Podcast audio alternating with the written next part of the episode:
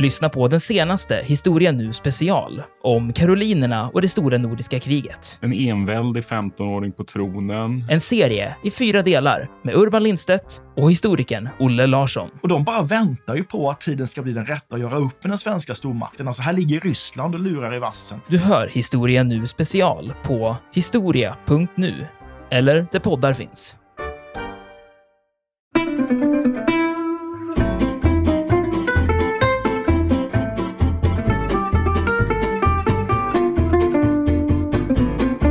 Man inser att man måste rädda den tyska äran. Det är det det handlar om. Det handlar inte om att man ska vinna kriget, men det handlar om att man vill visa världen att alla tyskar inte är som de ledande nazisterna, som Adolf Hitler psykopatiska mördare, utan man vill ha en ny regering som eh, västmakterna ska kunna förhandla med. Man inser också att det är också en för, en förutsättning egentligen för att man ska kunna få fram en för Tyskland i alla fall acceptabel fred i det ganska desperata krigsläge som råder sent 1943. Ehm, så det är liksom det som är planen.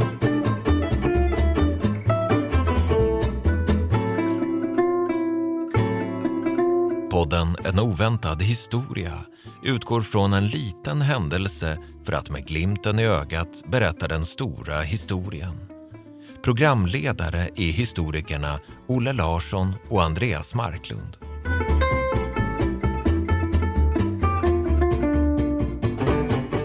Hallå Andreas! Tjenare! Allt är bra? Jättebra faktiskt. Toppen! Hur är det själv? Det är mycket, mycket bra. Utvilad, pigg efter sommaren. Så nu kör vi igen. Top notch. Och idag tänkte jag att vi skulle prata om det motstånd mot Hitler och nazismen som faktiskt fanns i Nazityskland under andra världskriget. Ett sympatiskt ämne. Mycket så tycker jag. Och eh, man måste ju faktiskt beundra de här människorna som vågade stå upp mot eh, nazistregimen. Därför att, att göra motstånd mot en regim i en totalitär stat är ju förenat med mycket, mycket stor fara. Men trots det fanns det alltså människor som var beredda att offra sina liv i kampen för det goda. Hatten av för det. Och det finns ju flera sådana exempel i historien, Andreas. Finns det, Ja. Kan du ge mig några exempel på, om jag säger ett politiskt betingat attentat som förändrat historiens gång? Vad säger du då?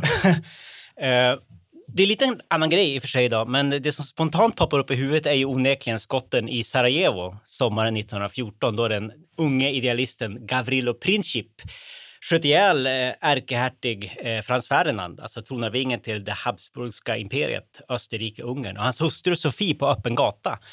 Ehm, och det ledde ju då till eh, första världskriget, vilket inte var det som Princip hade planerat. Alltså ur hans perspektiv så skulle han ju framförallt då döda en tyrann, död åt tyrannen, samt då förena alla serbisktalande folk på Balkan. Han förnekade in i det sista att han hade någonting med första världskriget att göra. Ett annat exempel är ju attentatet mot eh, den ryska tsaren, tänker jag Alexander den andra av Ryssland 1881. Han dog ju i ett eh, granat eller bombattentat. Det var svenskproducerad dynamit som användes. Eh, och det fick ju också de här uh, oönskade konsekvenser. Alltså, så är det ju ofta med de här attentaten. Alltså, alltså, jag tror att eh, Alexander den var ju relativt reformvänlig tsar faktiskt. Sådana finns ju också, rys- reformvänliga ryska ledare. Men det enda konkreta resultatet var ju av det här attentatet som utfördes av några anarkister, det var att det blev ännu mer förtryck och ännu mer övervakning. Bland annat så skapades ju den hemliga polisen Okranan. Och det tror jag är den röda tråden i det här, om man nu försöker liksom summera vad jag just har sagt. Att eh, politiska attentat i den moderna historien leder i första hand till mer förtryck och mer övervakning. Och det är oftast väldigt svårt att förutse vilka resultat ett sånt här attentat Absolut. ska få. Absolut. Men jag tänkte att vi ska fokusera idag på en politisk motståndshandling som kunde, och, och, jag repeterar, kunde ha, haft, ha förändrat historiens gång om den hade lyckats. Och jag tänker alltså på attentatet mot Adolf Hitler den 20 juli 1944. Och jag tänkte att vi som vanligt ska inleda med en stämningsbild. Och jag tänker mig då att vi beger oss till Rastenburg i Ostpreussen och till Hitlers högkvarter Wolfschanze, på svenska Varglyan. Och det är som sagt då den 20 juli 1944 och klockan är ungefär 12.30 den här varma sommardagen. Och eh, i en träbyggnad den här eh, på den här anläggningen så ska precis ett sammanträde inledas. Och i det här sammanträdesrummet befinner sig bland annat Adolf Hitler och representanter för Tysklands högsta militära ledning, däribland den inte helt okände generalen Alfred Jodel, liksom generalfältmarskalken Wilhelm Keitel.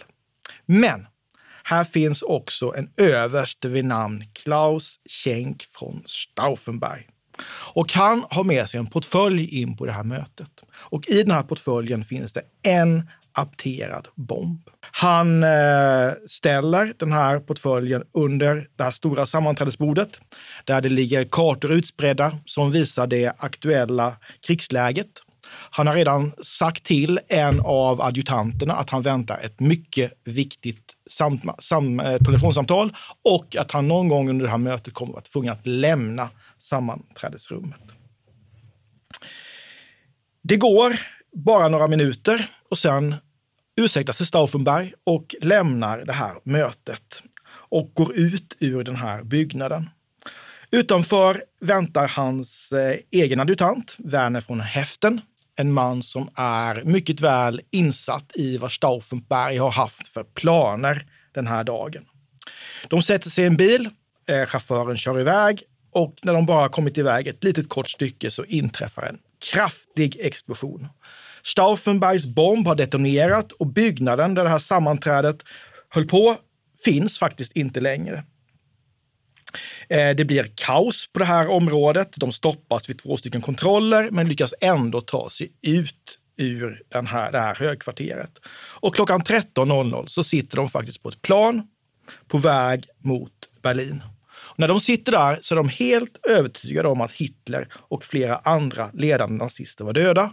Och nu var det då dags att sätta igång den så kallade Operation Valkyria. Jewelry isn't a gift you give just once. It's a way to remind your loved one of a beautiful moment every time they see it. Blue Nile can help you find the gift that says how you feel and says it beautifully with expert guidance and a wide assortment of jewelry of the highest quality at the best price. Go to BlueNile.com and experience the convenience of shopping Blue Nile, the original online jeweler since 1999. That's BlueNile.com to find the perfect jewelry gift for any occasion. BlueNile.com. I'm Sandra, and I'm just the professional your small business was looking for. But you didn't hire me because you didn't use LinkedIn jobs. LinkedIn has professionals you can't find anywhere else, including those who aren't actively looking for a new job but might be open to the perfect role, like me. In a given month, over 70% of LinkedIn users don't visit other leading job sites. So if you're not looking on LinkedIn, you'll miss out on great candidates like Sandra. Start hiring professionals like a professional. Post your free job on linkedin.com/people today. Even on a budget, quality is non-negotiable. That's why Quince is the place to score high-end essentials at 50 to 80% less than similar brands. Get your hands on buttery soft cashmere sweaters from just 60 bucks, Italian leather jackets, and so much more. And the best part about Quince, they exclusively partner with factories committed to safe, ethical and responsible manufacturing. Elevate your style without the elevated price tag with Quince. Go to quince.com slash upgrade for free shipping and 365-day returns.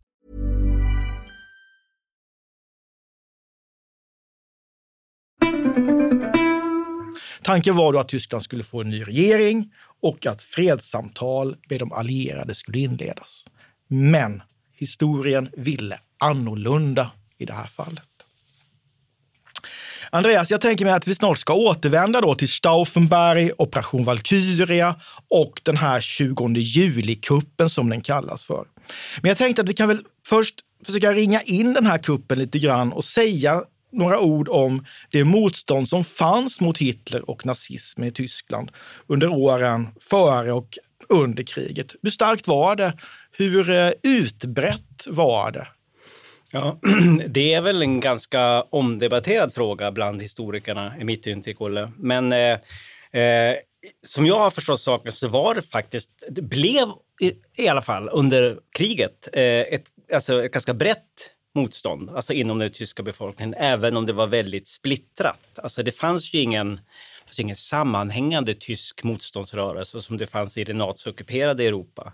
Och det fanns heller inte någon sammanhängande gemensam politisk opposition på grund av skräcken för Gestapo. Men alltså det var ju då ofta många mindre grupper, celler, motståndsceller och individer, tappra individer som på olika sätt gjorde aktivt eller passivt motstånd mot regimen och som inte sällan då fick plikta med sina liv för, för, för sitt mod. En av mina absoluta favoritromaner handlar ju faktiskt om det. Det är den här äh, Ensam i Berlin från är det 1946 tror jag. En alldeles fantastisk bok. Ja, av Hans Ferrada. Har du Ja. läst den? Ja, jag läst den. Den är ju based on a true story. Den handlar ju om helt, ett helt vanligt par, eh, äkt, äkta makar ur arbetarklassen.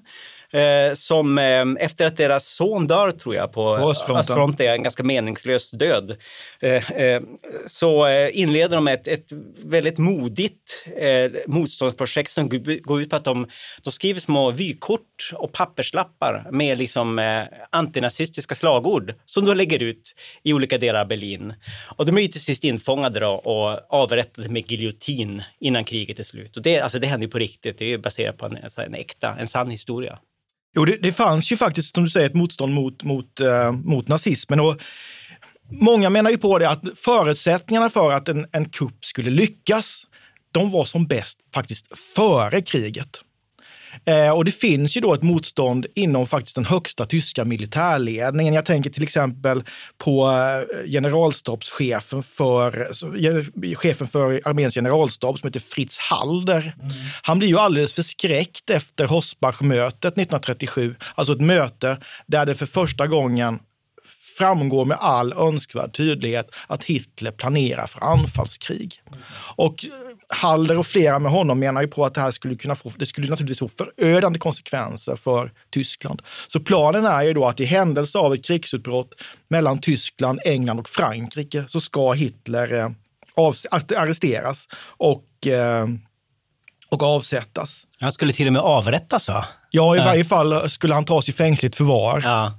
Och eh, problemet är ju då att eh, Hitler agerar ju på ett sätt som, han har ju, han har ju han överträffar ju mångas vildaste förväntningar eh, och det som framförallt gör att de här planerna kommer på skam, det är ju det som sker i samband med så kallade Münchenöverenskommelsen 1938.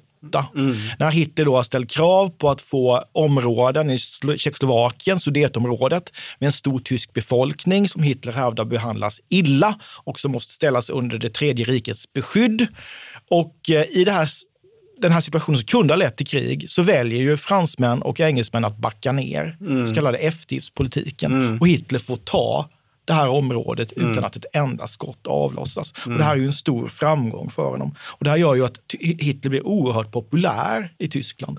Och någonstans där försvinner ju de, försvinner ju liksom, eller försvåras eller har möjligheterna att göra sig av med dem. Han är helt enkelt för populär 1938. Mm. Och så ännu ett bevis på att det här med peace in our time var en av de stora fadäserna i 1900-talets historia. Absolut. Det ledde till war in our time. Och det lever ju kvar i, även efter kriget i amerikanska utrikespolitik, det man kallar för Münchensyndromet. Ja. Gör inte om det här igen, men då handlade det ju inte om attityderna mot Tyskland utan attityderna mot Sovjetunionen och Josef Stalin. Men sen bryter då kriget ut ändå i september 1939. Och då, är det också, då blir det ju också svårt att göra motstånd mot Hitler därför att avsätta ett lands ledare i, ett krigs, i en krigssituation, det är ju inte bara landsförräderi, det är ju hög förräderi. Och dessutom går ju kriget väldigt bra.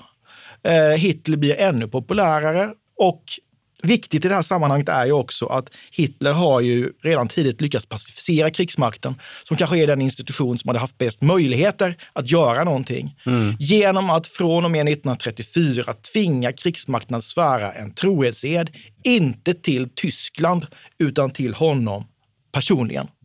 Och för att bryta den här, det krävs ju liksom att om den här faneden ska upphöra att existera så måste Hitler försvinna. Men trots detta så finns det ju ändå då motståndsfickor kvar inom krigsmakten. Eh, Ludwig Beck är en av de här militärerna som var väldigt kritisk mot eh, Hitlers utrikespolitik, som vill göra någonting åt det. Eh, Det fanns också grupper inom det, den tyska militära underrättelsetjänsten, till exempel Hans Oster. Ja, och chefen, Canaris. Även, precis, även högste chefen ju- kände ju till de här planerna, Wilhelm Canaris. Ja, men det är väldigt ironiskt, va?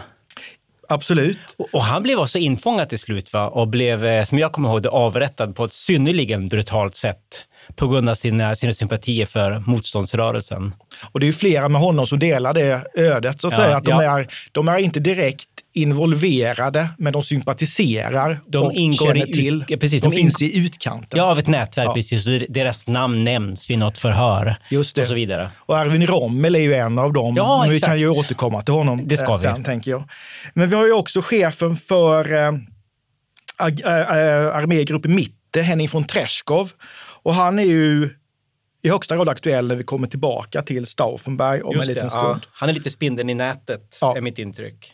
Men sen finns det ju även då grupper utanför eh, militären som, som protesterar. Till exempel den här, vad ska jag säga, eh, en hö- högadlig, konservativ, djupt religiös grupp som kallas för Kreisau-gruppen eller Kreisau-cirkeln. Ja, som leds av en jurist som heter eh, von Moltke faktiskt. I familj med den gamla, de gamla fältmarskalkarna, tror jag. Ja, det stämmer. Han är en Moltke. Det, det, ja, han är en Moltke. Han är släkt med den stora Moltke från eh, fransk-tyska kriget Ja. 70-71 och första världskriget. Ja, den yngre och den äldre. Men den här Molken är, är jurist Ja, och han leder den här gruppen. Eh, men det finns ju som du inledde med, du pr- pratade inledningsvis, det fanns ju också ett motstånd bland, bland vanliga människor att säga. Vilka bör man nämna? Ja, men jag har ju hört att de här uh, swing, swingjugend, alltså i allt väsentligt då, den tyska motsvarigheten till uh, de älskvärda swingpjattarna som vi också hade i Sverige.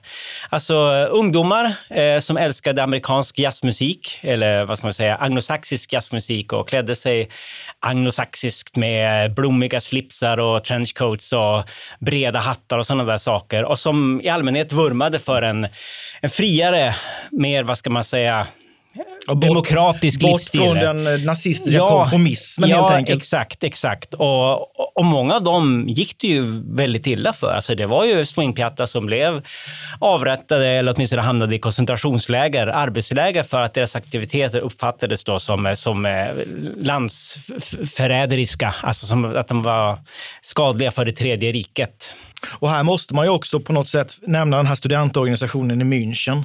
Die Weiße Rose. Ja, Vita rosen, ja. Vita rosen som leds av de här syskonen Hans och Sofie Scholl. Som precis som den här, de här huvudpersonerna i eh, Hans Falladas roman Ja. protesterar genom flygblad Ja, det påminner jättemycket om det. med antinazistiska budskap. Och de var inte så otroligt, eh, de var väldigt straight forward. Det kunde bara stå ner med nazismen. Och så spred man de här då på olika platser. Men det är samma sak i alltså, Falladas bok. Det är ju väldigt simpla budskap. Mycket så. Ner med tyrannen. och uppmärksamma problematiken. Så att säga, det, här, eh, det är ju 43 som eh, syskonen Scholl är verksamma. Men de åker ju och det går ju mycket illa för dem. De avslöjas ju eh, av en vaktmästare vid Münchens universitet som ser dem dela ut flygbladen. Så både Hans och Sofie av, eh, arresteras av Gestapo, förhörs, döms till döden för landsförräderi och avrättas. Och giljotinera, giljotinera, Giljotineras. precis som Man- de där makarna i romanen.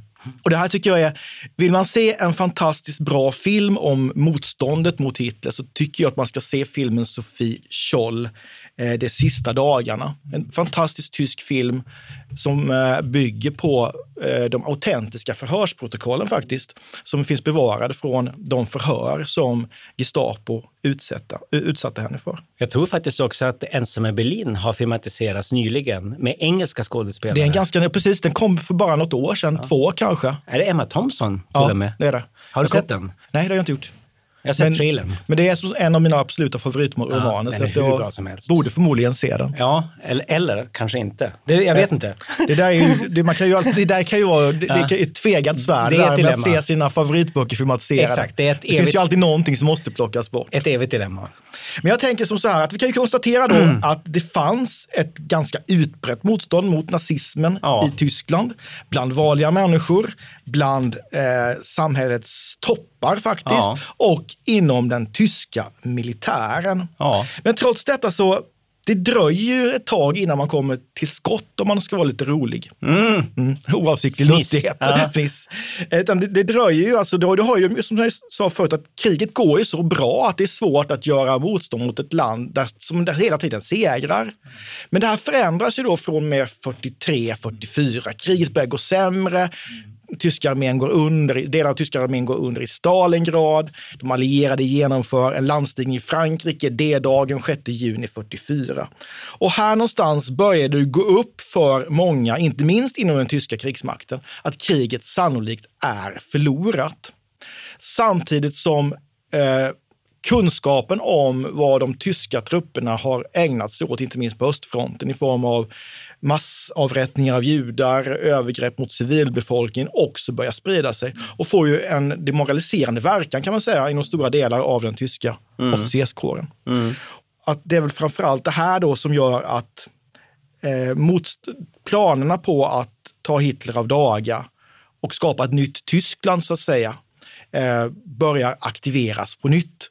Och det är ju här vi kan sätta in då huvudpersonen i den scen som vi inledde med, nämligen Klaus Scheng von Stauffenberg, mm. som är en av de här motståndsmännen.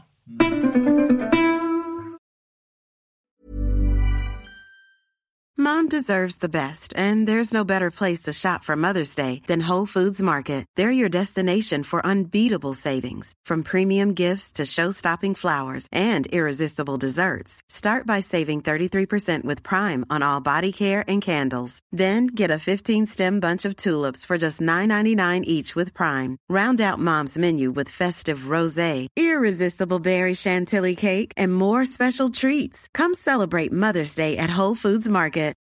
Millions of people have lost weight with personalized plans from Noom, like Evan, who can't stand salads and still lost 50 pounds. Salads, generally, for most people, are the easy button, right? For me, that wasn't an option. I never really was a salad guy. That's just not who I am. But Noom worked for me. Get your personalized plan today at Noom.com. Real Noom user compensated to provide their story. In four weeks, the typical Noom user can expect to lose one to two pounds per week. Individual results may vary. Hiring for your small business? If you're not looking for professionals on LinkedIn, you're looking in the wrong place. That's like looking for your car keys in a fish tank. LinkedIn helps you hire professionals you can't find anywhere else, even those who aren't actively searching for a new job but might be open to the perfect role. In a given month, over 70% of LinkedIn users don't even visit other leading job sites. So start looking in the right place. With LinkedIn, you can hire professionals like a professional. Post your free job on linkedin.com slash people today.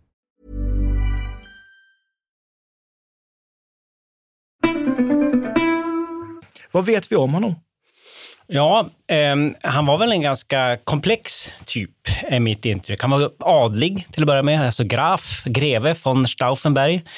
Bildad, fromt religiös, alltså en from katolik. Eh, och egentligen ville han väl bli arkitekt, tror jag. Och jag tror också att han spelade cello. Ehm, flitigt och aktivt. Men eh, av någon anledning så valde han då istället den eh, militära banan eh, och det gick bra. Alltså, han gjorde snabb karriär inom pansartrupperna. Eh, och eh, var en ytterst patriotisk typ. Alltså en riktig junkeradeltyp, alltså en fosterlandsvän som väl egentligen var relativt skeptisk till det här med demokrati. Jag tror han såg Weimarrepubliken som ett stort misslyckande som hade splittrat Tyskland. Så många i hans kretsar gjorde. Exakt, exakt. Eh, så i början sympatiserade han med, med Hitler och Hitlers projekt, alltså kort efter maktövertagandet där 33, men han gick aldrig med i NSDAP, alltså i nazistpartiet. Eh, däremot så eh, stödde han invasionen av Polen, alltså krigsutbrottet, för att han var en, han var en stolt militär och såg krig som något, som något ärefullt, alltså militär av den gamla skolan kan man nog säga. Men han var inte antisemit och han äcklades av kristallnatten 1938, den här pogromen som liksom gjorde det här, eh, de här systematiska antijudiska terrorn i, i Nazityskland uppenbar eh, för, för hela världen. Det såg jag som en skamfläck för den tyska nationen. Och sen så upplevde han ju det här som du nämnde tidigare, Operation Barbarossa. Så han skickade sig med ut i fronten där eh, i Sovjetunionen med pansartrupperna. Han upplevde ju det här utrotningskriget då på, eh, som förstahandsvittne, alltså hur de här SS-enheterna då till exempel då utförde massavrättningar av ja, den judiska befolkningen men också civila i största allmänhet allmänhet och äcklades av det han såg. Alltså det här var ur hans då militära perspektiv, det var inte ärofullt. Så eh, motståndet började väl att växa i djupet av hans eh, djupt militaristiska själ. Och i samband med, vi sa det, en sjukhusvistelse va? Eh, i München Ja, han hamnar ju från, från, från eh, östfronten så hamnar han ju i, i Nordafrika. Just det, han gjorde en repa i, i Afrika också. Och här Ja. blir, blir han ju mycket, mycket svårt sårad. Han Förlorar svär- ögat. han förlorar ena ögat, han förlorar ena handen och han förlorar två fingrar på den hand han har kvar. Och här någonstans då så väcks ju det här motståndet, tanken på ett aktivt motstånd mot Hitler. ja, precis. Han blommar ut som motståndsman där i samband med konvalescensen. Och det finns ju en fantastisk film från 2008 som heter Valkyria, Ja. där eh, den här Stauffenberg gestaltas av Tom Cruise. Det är bra casting faktiskt. Mycket bra, han är Fan. väldigt lik honom. Ja, han, var, ju- han var snygg, den här mannen. Minst sagt snygg. Absolut, mycket så här, fotogen, snutfager, typ. Och den här filmen inleds ju med just eh, Stauffenbergs skada i Nordafrika. Den inleds med att han sitter och skriver dagbok. Eh, och det kan man få skriva på fiktionens konto, men det är ganska snyggt därför att i den här dagboken så beklagar han sig över just hur den tyska armén har agerat, hur kriget förs, hur man har behandlat eh, den judiska befolkningen. Och sen kommer det här anfallet som skadar honom och sen hamnar han på sjukhus i München. Och eh, medan han ligger här på sjukhus, det, det här händer tror jag i tidigt 1943. Ja.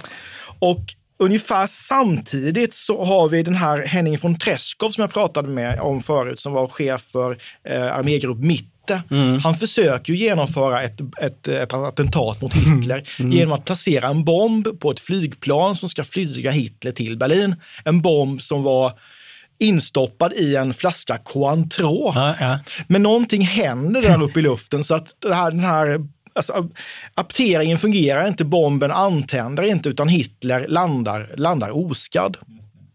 Men hur som helst, så i augusti 43 så träffas Stauffenberg och von Treschow för första gången. Och då är det i samband med en middag hemma hos en annan tysk militär som är inblandad i, eller som är starkt kritisk mot Hitler, nämligen generalen Ulbricht. Just det. Också en generalstabstyp. Ja, han är på något sätt kopplad till den här hemarmén på Just något det. sätt. Tjänstgör under den här general Ju- just From det. som var. Överbefälhavaren Ja, för, reservarmén, för reservarmén. ja. Ja, precis. ja. Sen så armé som fortfarande finns inom Tysklands gränser. Mm. Och här börjar man då prata om, att man, eller börjar man pr- prata om hur ska man kunna göra. Därför att man inser att man måste rädda den tyska äran. Det är det det handlar om. Det handlar inte om att man ska vinna kriget, men det handlar om att man vill visa världen att alla tyskar inte är som de ledande nazisterna, som Adolf Hitler. Psykopatiska mördare. Psykopatiska mördare, utan man vill ha en ny regering som eh, västmakterna ska kunna förhandla med. För man inser också att det är också en, av förutsättningarna egentligen för att man ska kunna få fram en för Tyskland i alla fall acceptabel fred i det ganska desperata krigsläge som råder sent 1943. Eh, Så det är liksom det som är planen. Och här tänker man då att man ska aktivera en plan som faktiskt redan, redan eh, existerar. Nämligen den plan som kallas för Valkyria. Ja, just det. Vad var lite- detta? Ja, men det var ju någon slags eh, krisplan, va? krishanteringsplan som man hade som skulle aktiveras i händelse av eh, myteri och uppror. Om de här slaveriarbetarna till exempel på de olika Speers vapenfabriker försökte göra motstånd, eh, organiserat motstånd, så skulle man aktivera då den här och införa militärt undantagstillstånd, var det väl i hela Tyskland, och sätta in då soldater ur den så kallade reservarmén. Alltså de trupper som står inom Tysklands gränser. Precis, som skulle besätta olika nyckelpunkter, arrestera specifika personer och överta alltså både liksom så järnvägsstationer, radiocentraler och, och, alltså olika så samhällskritiska knutpunkter. Och den här planen eh, känner man ju till och inser att man kan använda sig av den. Ja. Eh, och, eh, men man jobbar ju om den Ja, för att göra den lite lättare att aktivera och göra den lite mer omfattande. Det handlar också om att arrestera nyckelpersoner. Det handlar om att eh, till exempel då kunna avväpna vissa delar av de, eh, av de militära styrkorna. Och här tänker man framför allt då på SS, de lojala ja. SS-förbanden. ja precis. Och samtidigt med att man gör om den här planen så inser man också då att för att kunna aktivera den här planen och få den att fungera så måste man ta Hitler av daga. Ja, Och medan man planerar det här så sker ju flera, eh, man, flera i, försök att döda Hitler av andra personer. Mm. Till exempel så planerar man att döda Hitler i samband med en utställning av nya uniformer Ja. som visas upp. Men det fungerar inte eftersom Hitler inte dyker upp. Och där någonstans bestämmer sig Stauffenberg att det är nog så att det är jag som måste göra det här. Just det. Och här har han tur därför han lyckas nu bli över, utnämnd till överste och till stabschef hos just den här general From som är chef för reservarmén. Som ska användas i händelse av eh, uppror. Uppror och som ska användas när den här planen Valkyria, kuppförsvaret, aktiveras. Och att han blir överste med kopplingar till From gör ju också att han får tillträde till Hitler på ett helt annat sätt än tidigare. Och han träffar ju också Hitler eh, vid flera tillfällen. Han åker till Örnästet va? Han åker till Örnästet och eh, han har, har väl ytterligare en gång tror jag i, eh, i, Wolfschanze, Varglyan, eh, men, och har bomb med sig. Men avstår därför att eh, eh Himmler inte är närvarande vid det här mötet. Han vill klippa eh, SS-chefen Heinrich Himmler ja, samtidigt. Ja. Alla huvuden på hydran måste klippas av. Just precis så. Eh, så han väntar och väntar och väntar. Och sen beslutar man då att nu går det inte att vänta längre. Och då är vi framme vid den 20 juli 44. ja, herregud. och det här är ju rätt intressant för man kan ju följa den här utvecklingen den här dagen nästan timme för timme. Från och med klockan sju på morgonen fram till runt midnatt. Andreas, vad händer? Ja, alltså herregud, vilken dag. Mein Gott. Det finns väl en film som heter The Longest Day som handlar om D-dagen. Eh, Cornelius Ryans Ja, bok. exakt, exakt. Jag tror att det kan man använda som inramning av den här dagen också, som ju faktiskt då blev, nu kanske vi inte ska gå händelserna i förväg, men det blev ju då dessvärre Stauffenbergs sista dag i livet. Men alltså det började klockan sju som du nämnde med att han tog, eller förmodligen ännu tidigare, han steg väl upp, borstade tänderna, åt en snabb preussisk frukost och sen eh, flög han ju klockan sju från Berlin. Var det från Tempelhof eller vad kan det ha varit? Nej, det måste vara från en annan militär flygplats. Militär flygplats. Ja, med, med sin adjutant, den där snubben som du nämnde tidigare. Alltså von, von Heften. Von Heften, ja, precis. Eh, och så flög de då till eh, Ostpreussen, Rastenburg, alltså i nuvarande Polen. Eh, en bit ifrån då själva varglyan. Eh, de landade och så fortsatte de färden med bil. De landade väl klockan tio tror jag ungefär. Fortsatte färden med bil till varglyan. Jag vet inte hur lång tid det tog, men alltså han var ju framme mitt på dagen någon ja, gång. Vid lunchtid ja, ungefär. Precis, precis. För själva det här mötet som man skulle hålla, det inleddes väl 12.30. Ja, och det där var ju inte heller tanken, för tanken var att mötet skulle inledas klockan 13. Just det. Men Hitler ska ju få besök av Mussolini och vill liksom kunna komma i, äh, möta Mussolini i tid så att säga. Därför beslutar man sig för att tidigare lägga mötet 30 minuter. Just det, det finns, en det finns ett berömt foto av det där. Ja, visst. De, de, Hitler går omkring och visar Mussolini resten av det där. Ja. just det. Ja, the crime scene. Just det. Ja, just det. Men för, förmodligen blir han lite, förmodligen, jag kan tänka mig att han kommer fram ganska kort tid innan 12.30 då, för som jag har förstått det är han lite stressad. Det är inte allting som går rätt där, för att han har egentligen med sig då två bomber. Va? Eh, och tanken är att bägge två ska placeras i det här konferensrummet. Eh, men när han kommer fram så får han till att börja med veta att mötet har blivit tidigare lagt. Istället för klockan 13 så ska det vara 12.30. Eh, och dessutom så har man förflyttat det från själva bunkern den lokala, den lokala Führerbunkern. Ja, exakt. Som ju är ganska ett optimalt utrymme för ett bombattentat med liksom det, tryckvågen och allt det där. Eh, istället har man liksom förflyttat det till en vanlig barack, alltså på själva jordytan med öppna fönster. Inte lika optimalt för liksom eh, bombens sprängverkan. Så det här stressar ju förmodligen Stauffenberg. Plus att det kommer någon så eh, ganska beskäftig underofficer, en fältväb eller vad det är någonting är, som liksom stressar in honom. Ni är sena, fyren väntar på er.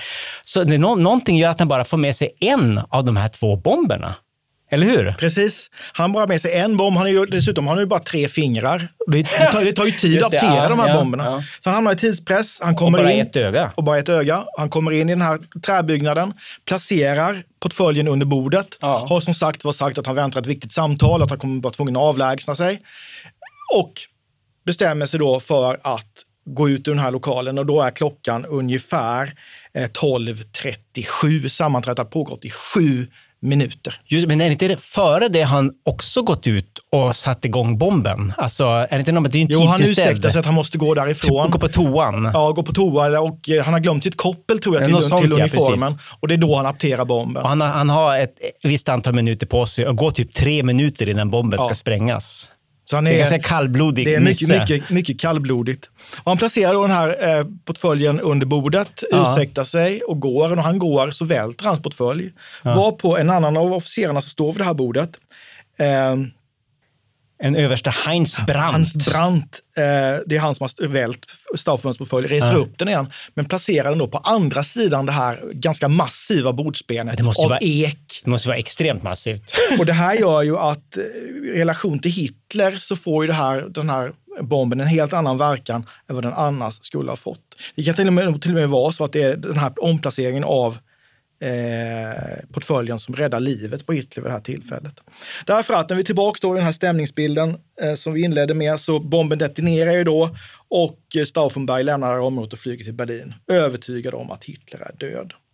Så kommer han till Berlin. Eh, Han, kommer, han landar 15.45 och då skulle ju egentligen Operation Valkyria vara i full gång. Just det. Men så är det inte. Just det, för vi har glömt att nämna, det var ju också en eh, signalofficer som var centralt placerad som han skulle ha på sin sida som skulle, skulle- klippa av varglyan telekommunikationsmässigt. Isolera den helt Ja. enkelt. Ja. Men det har han ju inte gjort. Nej. Felgibel hette den här Just det. officeren. Och för han, vill inte, han vågar inte göra det för han är inte helt säker på att Hitler är död. Och det där spökar i Berlin också. Därför att nej, man vill inte dra igång eh, Operation Valkyria förrän man fått säkra bevis på att, att Hitler är död. Och Stauffenberg blir upprörd. Han säger, ni förstår, jag såg själv explosionen. Det är klart att Hitler är död. Ingen kan ha överlevt. From, då, som är chef för reservarmén, eh, vägrar aktivera Operation Valkyria för han vill ha bevis för att Hitler är död. Och då ringer den här general Olbricht som jobbar nära From upp Ja varglyan och får då prata med generalen Keitel som säger att Hitler lever men att det har varit ett attentat. Och Stauffenberg försöker gång på gång övertala From att sätta igång den här planen. Men när det inte går så låser man helt enkelt in honom Ja, och så aktiverar man Valkyria. Men då har det ju gått för lång tid egentligen. Lyckas det inte i, i Frankrike? Jo, det lyckas på vissa ställen. Den är delvis eh, framgångsrik. Ja, det är massa SS-officerare Ja. som blir eh, arresterade i Paris i alla fall, har jag läst. Just det. Och sen går ju allting fel. Alltså tyska radion går ut 18.30 och säger att Hitler har överlevt ett attentatsförsök. Eh, 20.00 utfärdar, utfärdar Keitel en order som säger att officerarna får bara lyda order som kommer från honom själv eller Himmler personligen. Just det. Och här är ju liksom egentligen kuppen över. Ja. Eh, Man släpper ju ut From igen, Stauffenberg och Olbricht arresteras. Eh, De ställs inför en ståndsrätt omedelbart samma kväll som dömer dem till döden för landsförräderi. Ja, Efter en timmes rättegång. Efter en timmes rättegång och de skjuts ungefär vid midnatt. Ja, kvart Och de, över tolv De skjuts på eh, det tyska överkommandots innergård i den Ja, här det. eh, byggnaden. Oberkommando Wehrmacht. De ställs upp mot en vägg i princip och arkebuseras. Och, Och eh, Stauffenberg ropar någonting i stil med “Länge leve det- det, eviga Tyskland”. det lev, eviga eller det heliga, Eviga, hela heliga Tyskland. Just det. Och idag finns det ett fantastiskt monument på den här platsen som heter Denkmal Deutsche Widerstand, som är en hyllning till motståndskämparna mot Hitler. Och jag har varit där flera gånger och varje gång jag varit där så ligger det fortfarande färska blommor. Och det är en väldigt vacker text, jag kommer inte ihåg vad det står, men någonting eh, för att minnas dem som offrade sitt liv för någonting större och sådär. Väldigt välförtjänta blommor, får man säga. Och så 01.00 på natten så sänds då ett radiotal där Hitler personligen håller tal till tyska folket och säger att han har utsatts för ett dåd genomfört av vettvillingar, men att försynen har räddat honom. Och sen kommer då efterdyningarna av detta. Valkyria har då misslyckats. Stauffenberg, Olbricht och några till skjuts som sagt var samma kväll inne på gården. Eh, General Beck begår självmord, eller försöker begå självmord, misslyckas och får hjälp med att, att skjuta sig. Von Treskov, mannen med bomberna i eh, eh, den här Cointreau-flaskan, Ja, gärna bakom verket lite grann. kan man säga, tar livet av sig med hjälp av en handgranat, Ja. spränger sig själv i luften. Och sen kommer då en våg av arresteringar och rättegångar. Men Det är Och jättemånga de ställs inför, inför rätta och många av dem döms till döden. Det är väldigt förnedrande rättegångar. De står där, de får inte ha eh, bälten på sig, byxorna hasar ner och den här vedervärdige domaren får man väl säga, eh, Fra- Roland Freisler vrålar åt dem. Men de döms till döden och avrättas sen får man säga på ett mycket, mycket, mycket bestialiskt sätt. Och då är vi framme i augusti 1944. De hängs med pianotråd från köttkrokar. Från köttkrokar i fängelset Plötzensee utanför Berlin. Och det spelas in eh, På, alltså, på nära håll, Det på spelas film. in på nära håll och dessutom så har de väl också fått tillverka sina Just det. hängsnaror Just det, själva innan, ja. innan detta inträffar. Så det är oerhört obehagligt. Och sen är det som sagt var en del andra då som råkar illa ut, eh, som har funnits i utkanten. Där vi pratade om Canaris, men här har vi också Rommel. Ja, just det. Mm. Som, som, som, som eh, honom kan man ju inte ställa inför rätta för han är ju krigshjälte. Mm. Så han får, tvingas ju begå självmord. Han tvingas ta cyanid, va? Ja, och officiellt så heter det då att han har fått hjärnblödning på vägen till en konferens. Och det här är fullständigt vedervärdigt för att Hitler skickar ju sen ett, ett telegram till Rommels hustru. Där han skriver att mottag fru Rommel mitt djupa deltagande i er svåra sorg. Fältmarskalk Rommels namn kommer för evigt vara förknippat med de heroiska striderna i Nordafrika. Adolf Hitler. Vidrigt. Vidrigt. Och jag tänker ibland på att om, om tyskarna hade vunnit kriget så hade det här varit den officiella sanningen. Nåväl, eh, låt oss avsluta som vi brukar med ett litet kontrafaktiskt resonemang. Andreas, vad säger du? Hade Valkyria förutsättningar för att kunna lyckas? Och två, vad hade hänt om Valkyria hade avslut, av, av, verkligen eh, lyckats? Ehm, ja, alltså, ja, jag, tror verkligen det hade kunnat lyckas. Alltså, hade, hade de bara fått det där med bomberna att fungera eh, och liksom lyckats ta ut Hitler så hade det lyckats tror jag. Alltså, för alla möjliga efterträdare till Hitler, alltså till och med Heinrich Himmler och Hermann Göring, vid det här laget var de långt mer medgörliga och förhandlingsvilliga än Hitler. Så det leder in då till på nästa fråga då att eh, jag, jag tror att hade det som hade, hade de fått bort fyren så hade andra världskriget, slut, andra världskriget slutat tidigare. Det är jag säker på. Kanske till och med under sensommaren 1944 eller hösten 1944. Så det hade ju räddat miljontals människoliv. Alltså både på fronten, i dödslägren. Eh, tänk på den tyska civilbefolkningen. Tänk på människorna i Berlin. Så det här var, att det här misslyckades är verkligen en, en tragedi. Både för Tyskland och för mänskligheten. Och här kan man också konstatera som en avslutning då hur små detaljer det är som förändrar historien. Ja. Hade Stauffenberg apterat båda bomberna Ja. istället för en. Ja. Hade mötet ägt rum i en stängd bunker istället för i en träbyggnad.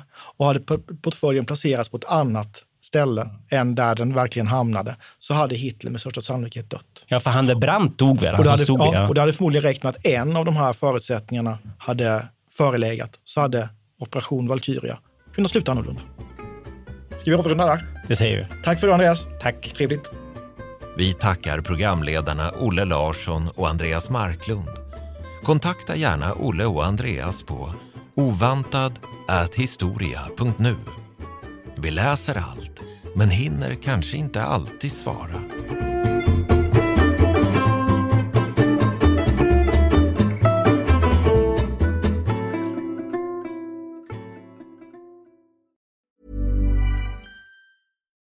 It's Paige DeSorbo from Giggly Squad. High quality fashion without the price tag. Say hello to Quince.